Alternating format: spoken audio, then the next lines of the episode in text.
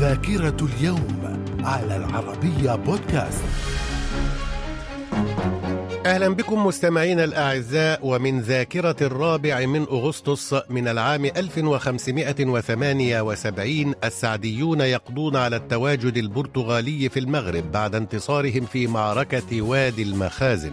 في العام 1914 المملكة المتحدة تعلن الحرب على ألمانيا والولايات المتحدة تتخذ الحياد في الحرب العالمية الأولى. من الذاكرة. في العام 1984 فولتا العليا تتخذ من بوركينا فاسو اسما جديدا للجمهورية. وفي الرابع من أغسطس من العام 1988 علماء أمريكيون يكتشفون 17 نوعا جديدا من فيروس نقص المناعة الإيدز. من الذاكرة. في العام 1990 العراق يعلن عن تأسيس جمهورية الكويت تحت قيادة حكومة الكويت الحرة المؤقتة برئاسة علاء حسين وذلك بعد الغزو العراقي في الثاني من أغسطس من العام نفسه. في العام 2000 الاحتفالات تعم المملكة المتحدة لإحياء ذكرى ميلاد الملكة إليزابيث الأم وتعتبر الملكة إليزابيث أول أفراد العائلة المالكة